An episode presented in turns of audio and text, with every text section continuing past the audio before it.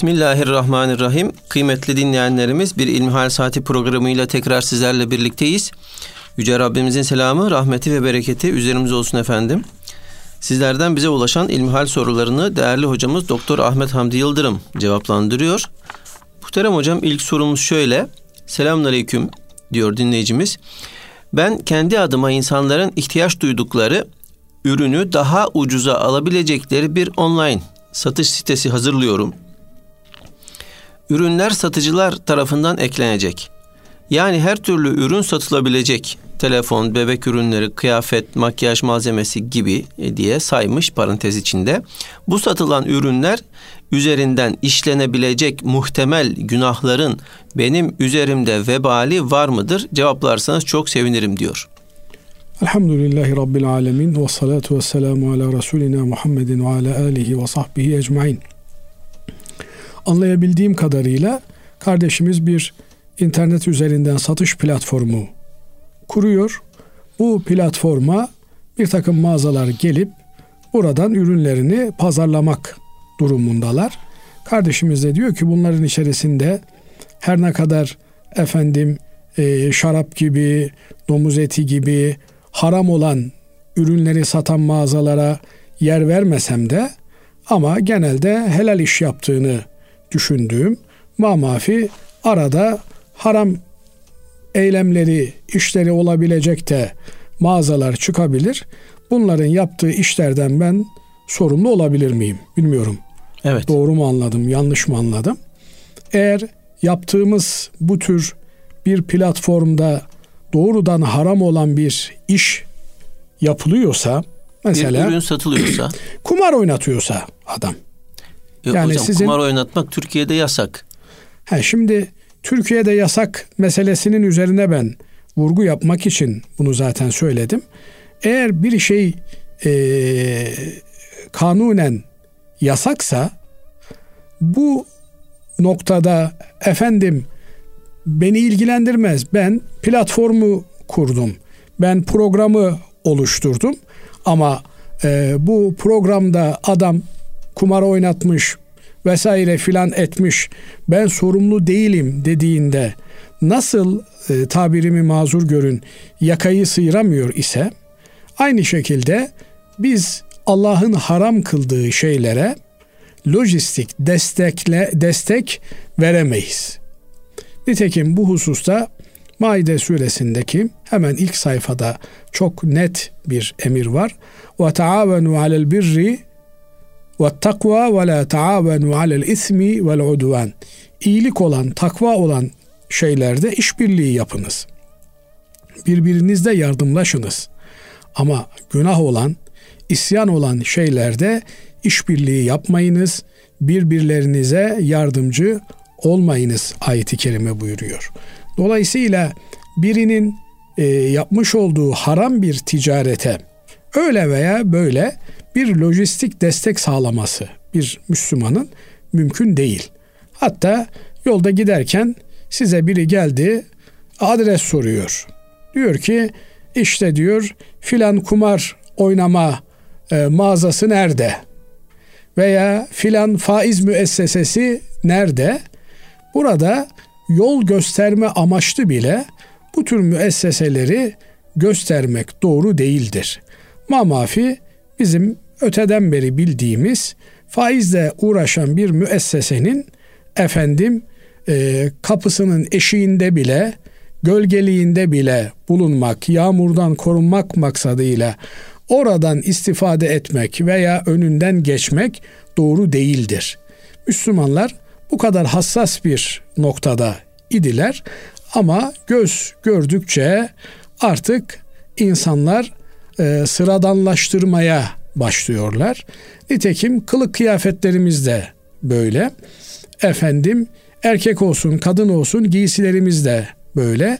İnsanlar önce bir giysi ortaya çıktığında bunu yadırgıyorlar ama zaman içerisinde bu alışkanlık haline geliyor.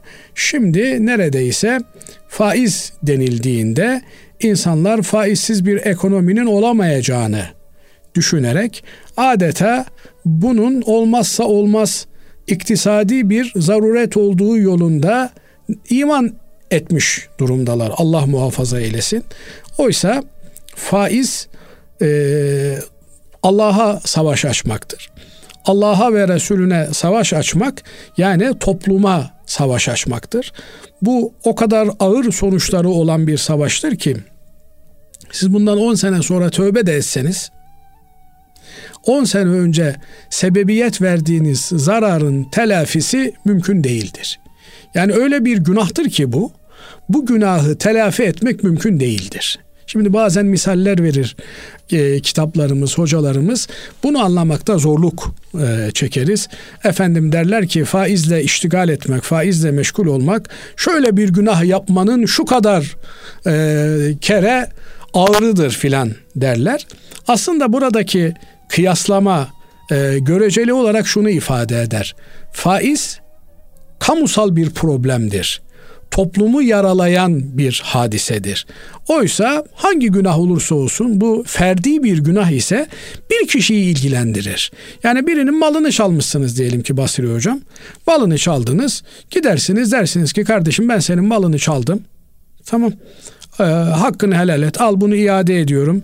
Eğer eksiğim gediğim olmuşsa zaman içerisinde sizin bir zararınız bir kaybınız olmuşsa buyurun onu da geri veriyorum dersiniz. Böylelikle e, zararınızı bir kişiye yönelik olduğu için affettirebilirsiniz, telafi edebilirsiniz, kapatabilirsiniz. Ama faiz toplumun bütününü ilgilendiren bir kangrendir. Öyle bir yaradır ki o sizin e, faizli işleminiz yüzünden Allah muhafaza eylesin birçok haneler harap olacak. Birçok insanlar açlıktan e, çaresiz vaziyette kalacak. Dolayısıyla basit bir günah olarak görmemek gerekiyor. Bu yönüyle bakıldığında yani bir takım günahlar var. Bunların geriye dönüşü, bunların telafisi e, çok zor. İşte bu tür günahlara biz e, kamusal günahlar diyoruz. Bunlar Allah hakkını söz konusu olan bir yerde kamunun hakkı söz konusudur. Böyle bir e, günaha lojistik hizmet vermek affedilecek bir şey değildir. Bu yönüyle e, insan nereden para kazandığına dikkat etmeli. Para kazandığı platformun helal bir platform olmasına dikkat etmeli. Şimdi bir takım oyunlar sizin efendim platformunuz üzerinden satılıyorsa ve bu oyunları oynayan çocuklar e, göz göre göre işte intihara sürükleniyor bir takım efendim suçlara sürükleniyorlar aileler perişan oluyor insanlar heder oluyor ise o zaman burada durup düşünmemiz gerekir. Binaenaleyh burada e, bu kardeşimize bizim söyleyebileceğimiz şu temel kriter söz konusudur. Yaptığın iş hangimiz olursa olsun yaptığımız iş helal dairesinde bir iş olacak. Verdiğimiz hizmet insanların haram işlemesini kolaylaştırıcı, onların haram işlemelerine zemin oluşturucu bir tarzda olmamış olacak. Ama biz insanların yasak işleri işlemelerine mani olamayız. Fakat elimizden geldiği kadar onlara yol yordam göstermemek, yardımcı olmamak, lojistik bir destek sağlamamak durumundayız. Böylelikle bu kardeşimizin yapacağı iş Allah'ın haram kıldığı bir işe doğrudan veya dolaylı hizmet etmiyorsa bu işi yapmasında bir sakınca yoktur. Ama siz birine evinizi kiraya verdiniz de adam o evin içerisinde sizin bilemeyeceğiniz, mani olamayacağınız bir tarzda haram işler işledi. Bundan siz sorumlu olmazsınız. Fakat öyle işler işleyeceği muhtemel, hatta e, tecrübeyle sabit. Eğer adı çıkmış biri ise o zaman ona evinizi kiraya veremezsiniz. Böyle bir eylemi yapmanız durumunda siz de günaha yardımcı olmuş, destek olmuş, hizmet etmiş olursunuz ki ayeti kerime çok açık. Günah ve isyan olan şeylerde birbirinize yardımcı olmayın, destekçi olmayın diyor. Evet hocam Allah razı olsun.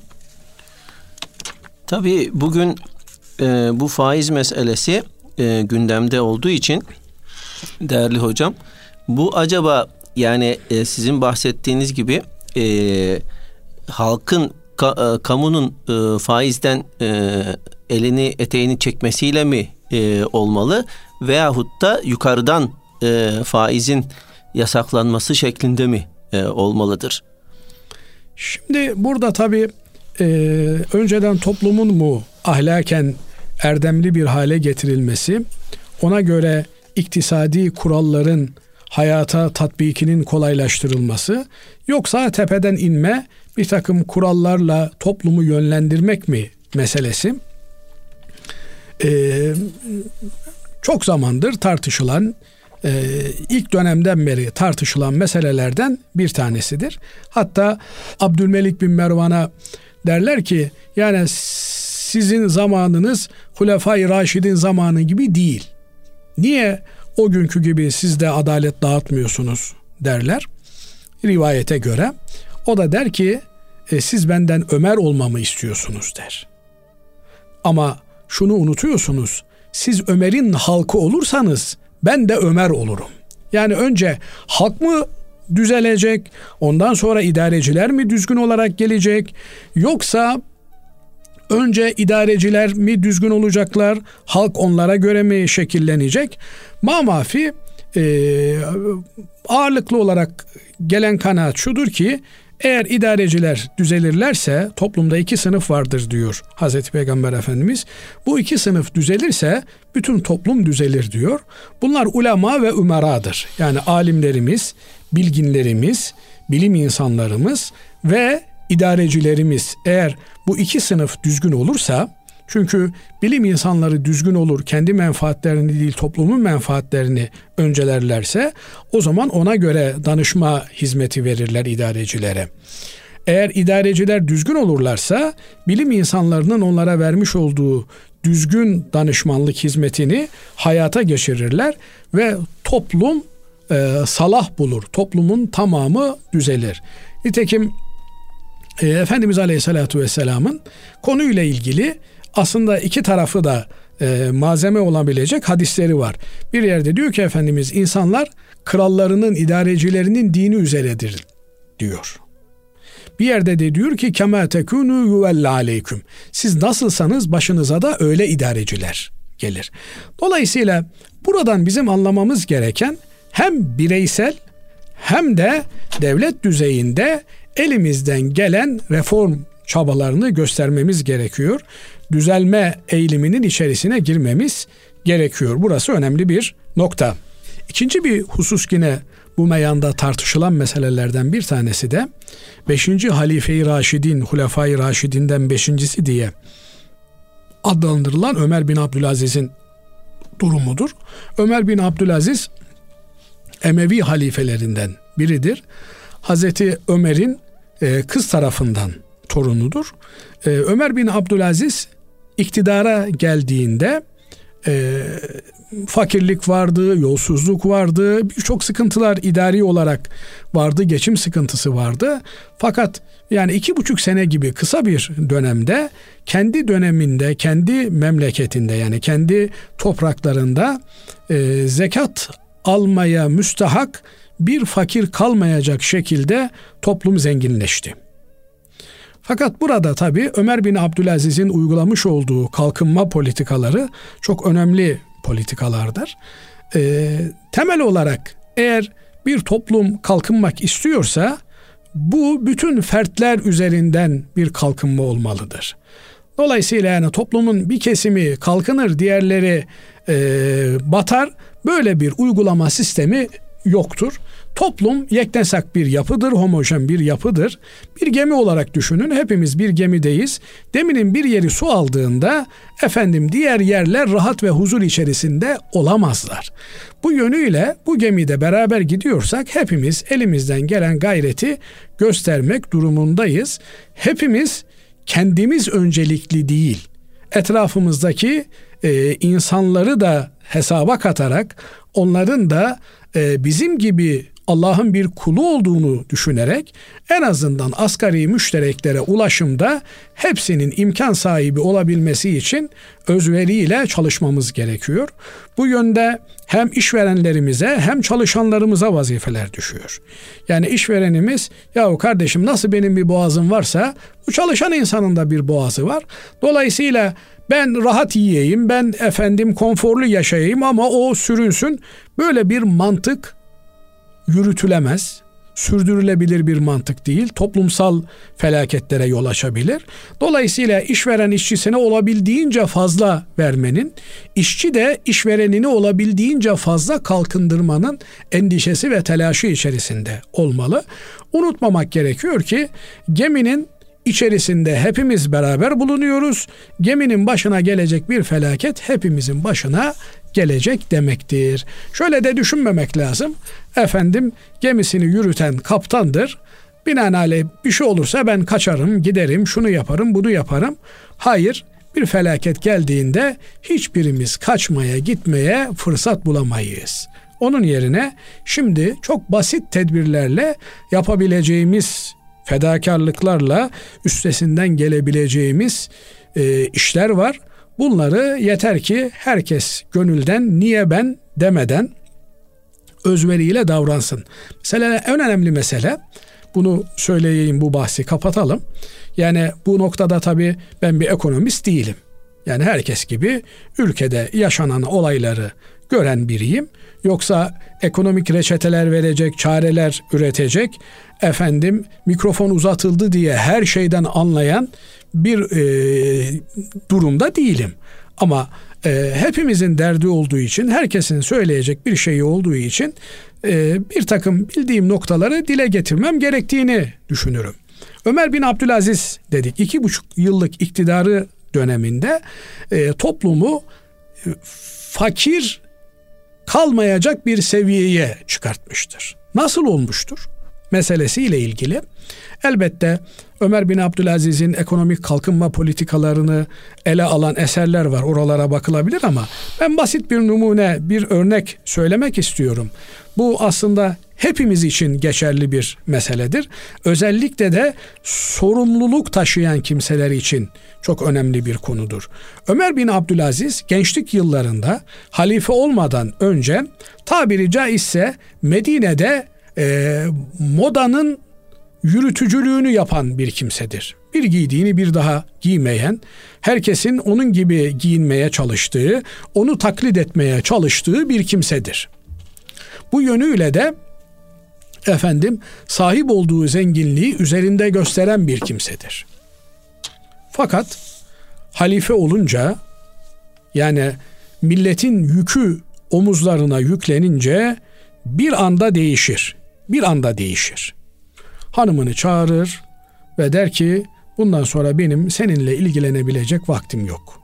Vaktimin tamamı milletin dertlerine hasredilmiştir. Diğer taraftan o takındığınız bilezikler, altınlar vesaireler, şunlar bunlar bunlar da devlet hazinesinindir. Onları da devlete iade etmeniz lazım diye bütün hanedan ef- e- e- efradına bunları söyler. Peşinden kendi sahip olduğu bütün o değerli eşyaları da devlet hazinesine bağışlar ve kendisine e, Medine'de pazarda satılan en ucuz elbiseyi alması için yaverini gönderir.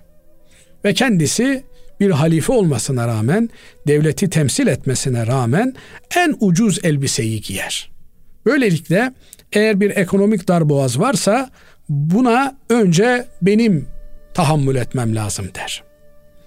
Demek ki e, bazen biz itibarı israfta arıyoruz. İşte devlet dediğin, müessese dediğin e, debdebeli olur, şaşalı olur, efendim e, itibarını ayaklara çiğnetmemek lazım filan türünden. Ama Ömer bin Abdülaziz öyle yapmamış. E, o itibarın halkın toplam refahında olduğunu görmüş. Eğer senin toplumunda efendim açlıktan ölen insanlar varsa ki elhamdülillah memleketimizde öyle bir durum yok Basri Hocam. Ee, o zaman para da pul da itibarı aramamak lazım. Binaenaleyh eğer e, bir sosyal dayanışmayı gerçekleştirebilirsek o zaman üstesinden gelemeyeceğimiz hiçbir şey yok demektir. Bu noktada e, faizi veya başka bir takım enstrümanları birbirlerinden bağımsız olarak da değerlendirmek doğru değildir. Yani bir toplumda faiz varsa, kumar varsa, fuhuş varsa, Allah'ın yasakladığı içki, efendim e, esrar vesaire varsa e sen bunlardan bir tanesiyle savaş aç diğerleriyle barış yap. Böyle bir kalkınma modeli de yoktur. Dolayısıyla hakikaten bir e, ahlaki seferberlik öncelikle başlatmamız gerekiyor. Birbirimizle hakikaten e, yeni sayfalar açmamız gerekiyor. Yani hepimiz bu geminin yolcularıyız. Bunun şuurunda olmamız gerekiyor. Bunun da en basit yolu e, Basri Hocam birbirimize dua etmekten geçiyor. Yani şimdi düşünün beni sevmeyebilirsiniz. Estağfurullah. E, sevmek zorunda da değilsiniz. Ama bana dua etmeniz lazım. Allah'ım bu kardeşimi de hayırlara muvaffak et. Senin sevdiğin, razı olduğun işleri yapmaya onu muvaffak kıl. Yani bir insanın giyim kuşamını beğenmeyebilirsiniz, düşüncelerini beğenmeyebilirsiniz. Ona küfretmek, ona saldırmak yerine en azından oturup dua etmek lazım. Ya Rabbi beni de bu kulunu da bütün kullarını da sevdiğin ve razı olduğun kullar zümresine ilhak eyle sen elimizden tut diye dua etmek lazım. En azından bu şekilde birbirimize dua edersek, birbirimizin hayrını istersek o zaman cenneti kazanmaya hak elde ederiz. Çünkü Hazreti Peygamber Efendimiz diyor ki e, birbirinizi sevmedikçe iman edemezsiniz. İmanın bir anlamı da güven demek. Yani birbirinizi sevmeden, birbirine saygı duyan, birbirini seven, en azından Allah'ın yarattığı bir mahluk olarak seven. Ama yani bu insanoğlu e, çok vahşi duygularla bezenmiş bir varlık. Şimdi bakıyorsunuz kendilerini dünyanın en medenileri sayan Avrupa'da işte İspanya'da efendim hayvanların üzerine bıçak saplayarak hayvanın o boğaların acı çekmesinden zevk alıyorlar. Yani bu nasıl bir vahşilik? Ne bileyim işte hayvan dövüştürerek, tavuk dövüştürerek, horoz dövüştürerek, efendim şunu bunu dövüştürerek hayvanların birbirlerinin kanını akıtmasından seyredip zevk alıyor insanlar. Yani bu insanoğlunda bir vahşilik var. İşte bunun temizlenmesi lazım. Birbirimizi sevmeye, birbirimizle barışmaya ihtiyacımız var. Bunun da işte az önce ifade etmeye çalıştığım asgarisi birbirimize dua etmemiz lazım. Yani neyin kavgasındayız? Yunus'un dediği gibi bizim işimiz nasıldı hocam Dava değil. Gelmedim dünyaya dava için. Hı. Bizim işimiz sevi için. Sevi için sevelim, Sev. sevilelim. Evet. Dünyayı kimseye kalmaz. Allah razı olsun kıymetli hocam. Teşekkür ederiz. Değerli dinleyenlerimiz şimdi kısa bir araya gidiyoruz. Aradan sonra inşallah kaldığımız yerden devam edeceğiz. Kıymetli dinleyenlerimiz İlmihal Saati programımıza kaldığımız yerden devam ediyoruz. Muhterem hocam e, şöyle bir soru gönderilmiş. Babanın çocuğunu evlendirmesi babalık görevlerinden midir? Tabii e, bir babanın çocuğuna karşı görevleri var. Tıpkı çocuğun da babasına karşı görevleri olduğu gibi. En temel görevi nedir babanın çocuğuna karşı? Ona dinini öğretmektir. Ama e, dinini öğrenecek çağa gelinceye kadar ve ondan sonrasında da e, dünyaya gelmesine vesile olduğu evladının e, bakımı, geçimi, nafakası babaya aittir. Baba çocuğun ihtiyaçlarını karşılamakla yükümlüdür. Bu ihtiyaçlar maddi ihtiyaçlar olabileceği gibi manevi ihtiyaçlar da olabilir. E, maddi ihtiyaçları çocuğun barınması, yemesi, içmesi, giyinmesi, efendim belli bir eğitim alması, maddi ihtiyaçlarının ve bir yönüyle de manevi bir ihtiyaç da sayabileceğimiz evlilik de babanın görevleri arasındadır. Şöyle ki tabi bir kimsenin nafaka ihtiyacı varsa yani geçinmesi için, yemesi, içmesi, barınması vesairesi için öncelikle onun muhtaç olması gerekir. Mesela çocuk 3 e, yaşındadır, 5 yaşındadır ama serveti olabilir. Baba sağdır, anne ölmüştür, annesinden servet kalmıştır çocuğa. Efendim, çocuk o servetini kullanma yetkisine sahip değildir. Babası onun adına o serveti kullanır ve çocuğun ihtiyaçlarını da her türlü ihtiyacını onun malından karşılar. Bu yönüyle efendim çocuğun eğer malı mülkü varsa yemesini, içmesini, giyinmesini oradan karşılar. Evlilik de çocuğun bir ihtiyacıdır. Efendim çocuk diyoruz çünkü anne baba için 70 yaşına da gelse evlat evlattır, çocuktur. Dolayısıyla yani bir anne babanın çocuğu üzerinde hakları ve sorumluluklarından bahsedilirken bunlardan bir tanesinin evlilik olduğu da e, karşımıza çıkıyor. Fakat evlilikte özellikle de erkek çocukların evlendirilmesinde temel mesele e, çocuğun evleneceği kıza mehir vermesi meselesidir. Bu mehri e, kendi malı mülkü varsa kendi verecektir. Eğer kendi malı mülkü yoksa o zaman bunu onun nafakasını vermekle yükümlü olan kişi verecektir. Bu da birinci derecede baba olarak karşımıza çıkıyor. Sadece e, evleneceği kıza yani baba kendi gelinine mehir vermekle kalmayacak bu durumda. Bu yeni evlenmiş olan çiftlerin ailelerini geçindirmelerini de gündemin alması gerekiyor. Elbette bu yönüyle kendi işini tutmuş, mesleği olan, evini bakabilecek olan bir erkek evlenme durumundadır. Fakat toplumda öyle kesimler vardır ki düşünelim bir babanın işte yüzde 40, yüzde 50 özürlü bir çocuğu var. Bu çocuk e, özüründen dolayı çalışıp ailesini geçindirebilecek durumda değil. Ama evlilik bir ihtiyaç. Evlilik görevlerini yetire, yerine getirmeye mani bir durumu da söz konusu değil. O zaman nasıl yemesini, içmesini, barınmasını, efendim giyinmesini, kuşanmasını babası olarak ödüyorsa babası evlilikle ilgili masraflarını ve evlilik sonrası geçimini de eğer imkanı dahilinde ise babasının karşılaması gerekir. Eğer böyle bir durumda değilse ayet-i kerime çünkü açık ve enkihul eyama minkum. İçinizdeki bekarları evlendirin diyor. Bu emrin ilk muhatabı insanın bakmakla yükümlü olduğu kimsedir. Aynı şekilde bir delikanlı e, çalışmış etmiş parası var serveti var. E babası dul kalmış. Annesi vefat etmiş. 70 yaşına gelmiş adamcağız.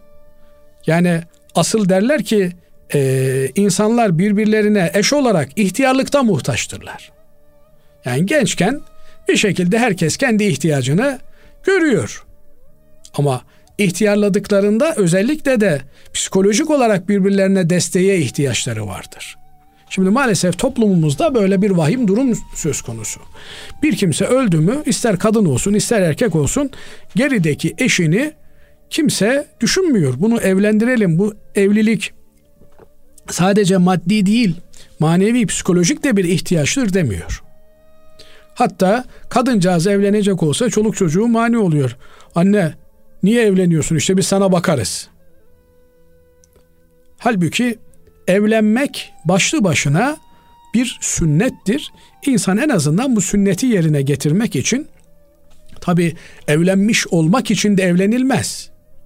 Yani kardeşim sünnet ben kim çıkarsa karşıma evleneceğim öyle bir şey de söz konusu değil tabi. Ama insan dengini bulduğunda kafasına uyan, efendim kafası kafasına, huyu huyuna, suyu suyuna öyle mi derler evet. Vasili Hocam? Birini bulduğunda aman çocuklar ne derler, kolu komşu ne der, toplum ne der bu baskıyı hissetmemeli. Bir toplumsal baskı var hocam. Aksine, aksine herkesin destek olması lazım. Yani bak bu sana uyuyor, uygundur. Birbirinize güzel yakışıyorsunuz. He olmadı kardeşim yani evlilik hak, boşanma da hak. Binaenaleyh bu gibi noktalarda e, insanların en azından birbirlerini teşvik etmeleri gerekir. Peki diyelim ki adamcağız 70'inde dul kaldı. Eli ayağı da tutmuyor ki gitsin işte çalışsın da efendim nafaka kazansın. Onun nafaka yükümlüsü olan evlatları babalarını evlendirmek, evlilik masraflarını yapmak ve hatta evlendikten sonra da ona da hanımına da infak etmek mecburiyetindedirler. Dolayısıyla bir baba evladını evlendirmekle yükümlü müdür? Evet, eğer babaya ihtiyacı varsa o ihtiyacını babanın görmesi gerekir. Ama kendi imkanı var, kendi parası var, çocuk çalışmış etmiş. Hala baba sen beni evlendireceksin. Yok öyle bir şey. Kendi imkanı varsa kendi imkanlarıyla evlenecek. Yoksa babası yardımcı olacak, etrafı, çevresi yardımcı olacak, gerekirse borçlanacak. Ama ilk etapta tabii borçlanma imkanı varsa, eğer babanın imkanı yok borçlanılacaksa delikanlı kendi borçlanacak. Ona göre ayağını yorganına göre uzatarak evliliğini yerine getirecek. Eğer kız babasıysa o da evladına uygun bir aday buldu mu onu kaçırmayacak, evlendirmeye gayret edecek. Ee, efendim bu noktada da elinden gelen gayreti gösterecek. Fakat toplumdaki bekarları evlendirme yakın çevreden geniş çevreye doğru bir sorumluluk olarak bütün toplumun üzerine düşen bir vazifedir. Evet. Değerli hocam, e, diğer bir sorumuz şöyle. Şişman olmak dinimizce günah mıdır? Müslümanın şişman olmaması mı gerekir? Şimdi şişmanlık ve zayıflık bunlar göreceli kavramlardır. Kime göre şişman, kime göre zayıf. Her ne kadar bir takım e, işte ölçme değerlendirmelere göre şu standartlarda olan kimseler normal bir vücut yapısına sahiptirler. Bunun üstü e, şişmandır, daha üstü şu e, parametreler arası aşırı şişmandır. Efendim şunun altı cılızdır, zayıftır vesaire filan gibi bir şey yapılıyorsa da asıl olan sağlıklı olmaktır. Binaenaleyh dinimizin bize tavsiye ettiği sağlam, sağlıklı bir Müslüman olmaktır. Eğer zayıflık buna mani ise zayıf düşmemek lazım. Efendim kilo almak buna mani ise aşırı kilolanmamak gerekir. Mamafi Hz. Peygamber aleyhissalatü vesselam Efendimizin hayat tarzını takip ettiğimizde onun e, hayatını kendi hayatımıza örnek alarak uygulamaya çalıştığımızda görüyoruz ki Efendimiz Aleyhisselatü Vesselam'ın nasıl e, zinde bir vücudu varsa, nasıl e, ne zayıf ne e, kilolu normal bir vücut yapısına sahipse, onun yeme alışkanlığını benimseyen ümmetinde de durum aynıdır. Ama e, bu genelde böyle olmakla beraber bir takım hormonal bozukluklardan dolayı bazı kimseler yeseler de zayıf kalabiliyorlar veya yemeseler de kilo alabiliyorlar. Burada önemli olan kişi elinden geldiği gayreti göstererek sağlıklı bir Müslüman olmanın efendim çabası içerisinde olmalıdır. Bu yönüyle eğer e, kendi hayatındaki gözlemleri, tecrübeleri, efendim bir takım şeyleri yaptığında rahatsızlandığını ona söylüyorsa bunları yapmaktan kaçınmalıdır. Evet. Efendim bazı şeyleri yediğinde bir takım rahatsızlıklar söz konusu oluyorsa bunlardan da kaçınmalıdır. Fakat şöyle temel bir ölçü verebiliriz. Yani bir insanın günlük olarak muhatap olduğu en önemli ibadet namazdır. Namazın en önemli unsuru da ayakta durmaktır. Binaenaleyh kişi ayakta durarak namazını rahat kılabileceği bir sağlık seviyesini korumalıdır.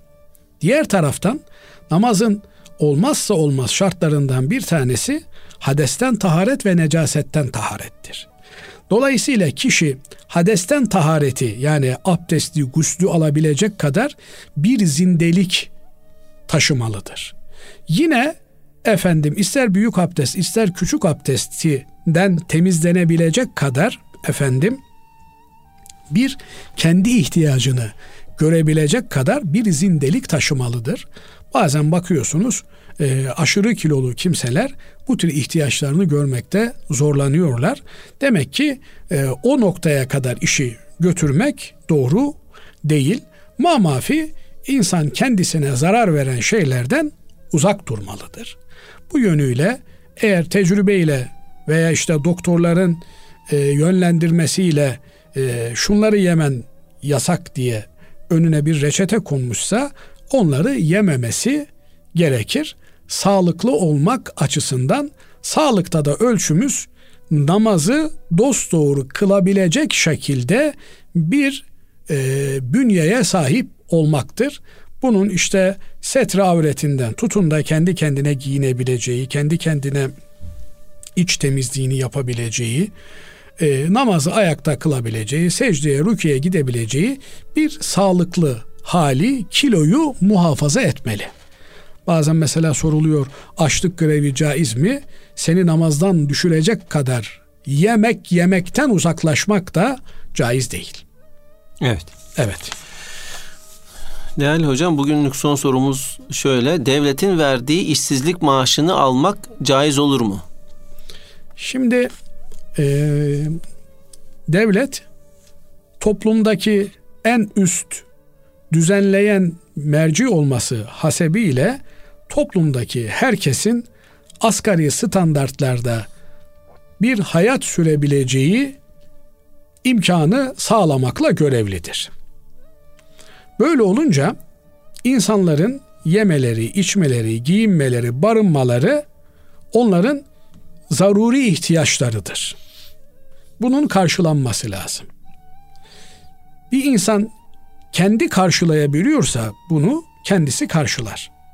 Karşılayamıyor ise o zaman bunu karşılayacak mekanizmanın oluşturulması gerekiyor. Bu da efendim kişinin e, akrabalarından oluşan bir mekanizmadır. Hiç olmadığı zaman yani düzenli bir sistem yok, kimse kimseyle ilgilenmiyor. O zaman devletin bu görevi üstlenmesi gerekir. Nitekim Efendimiz Aleyhisselatü Vesselam e, Müslümanlar biraz zenginleşince, mali imkanları oluşmaya başlayınca şunu ilan etmiştir. Sizden kim vefat ettiğinde geriye mal mülk bırakmışsa o mal mülk onun mirasçılarınındır. Geriye kim borç bırakmışsa o borcu ben ödeyeceğim. Dolayısıyla devlet vatandaşının geçinecek kadar nafakasını vermekle yükümlüdür. Geçinememiş, borçlanmış ise o zaman o borcu devlet ödemekle yükümlüdür. Şimdi devlet ne yapmış? Çalıştığı zaman vatandaşın, işçinin, çalışanın parasından bir kısmını kesmiş. Böylelikle bir işsizlik sigortası oluşturmuş. Binaenaleyh bir kimse çalışırken maaş alıyordu. O maaşıyla çoluğunu çocuğunu geçindiriyordu. Çalıştığı yer artık çalışamaz hale geldi veya kendi bünyesi orada çalışmaya e, tahammül edemez hale geldi. Böyle bir durumda devlet ona çalıştığı ayların mukabilinde bir işsizlik maaşı ödüyor. Burada bu işsizlik maaşını almakta bir problem yok. Zaten öncesinde bunun e, kesintileri ondan yapılmış. Ama bir yandan efendim çalışırken bir yandan bu maaşı alması olabilir mi? Burada da e, şöyle bir e, meseleyi gündemde tutmak lazım. Yani şimdi söz gelimi asgari ücret 3 bin lira. E, devlet işsizlik maaşı olarak bin lira veriyor. Adam da evde boş durmaktansa sağda solda efendim elinden gelen ufak tefek işleri yapıyor. Ama bu işleri yaptığı kimselere işte komşunun gidelim ampullerini değiştirmiş. Efendim komşunun musluğu bozulmuş. Bir yerden 100 lira vermişler, bir yerden 200 lira vermişler. Bu tür çalışmaları caiz olur mu? Olur. Niye? E çünkü zaten bunun asgari olarak alması gereken 3 bin lira bir paraydı. O paraya ulaşmıyor zaten. Ama bir yandan efendim bir yerde çalışıyor oradan asgari ücretin fazlasında bir ücret alıyor. Diğer taraftan da devletten işsizlik maaşı alıyorsa bu e, doğru bir şey olmaz. Buna tevessül etmemek yani lazım. Bir tarafta kaçak çalışıyor öyle diyelim. Evet bir, bir tarafta tam kaçak çalışıyor. Evet. Şimdi evet. E, diğeri de kaçak. Doğru. Ha, bir gün bir iş bulmuş adam. İşte bir gün bir amelelik bulmuş. iki gün bir amelelik bulmuş ama bu düzenli bir şey değil. Evet. E, dolayısıyla iki günlük, üç günlük kaçak çalışmayı hesap etmez. Ama düzenli kaçak çalışıyorsa yani profesyonel kaçak çalışan bir adamsa o sıkıntı. Evet hocam. Peki hocam teşekkür ederiz. Allah razı olsun. Efendim e, bugünkü İlmihal Saati programımızın sonuna ermiş bulunuyoruz. Hepinizi Allah'a emanet ediyoruz. Hoşçakalın.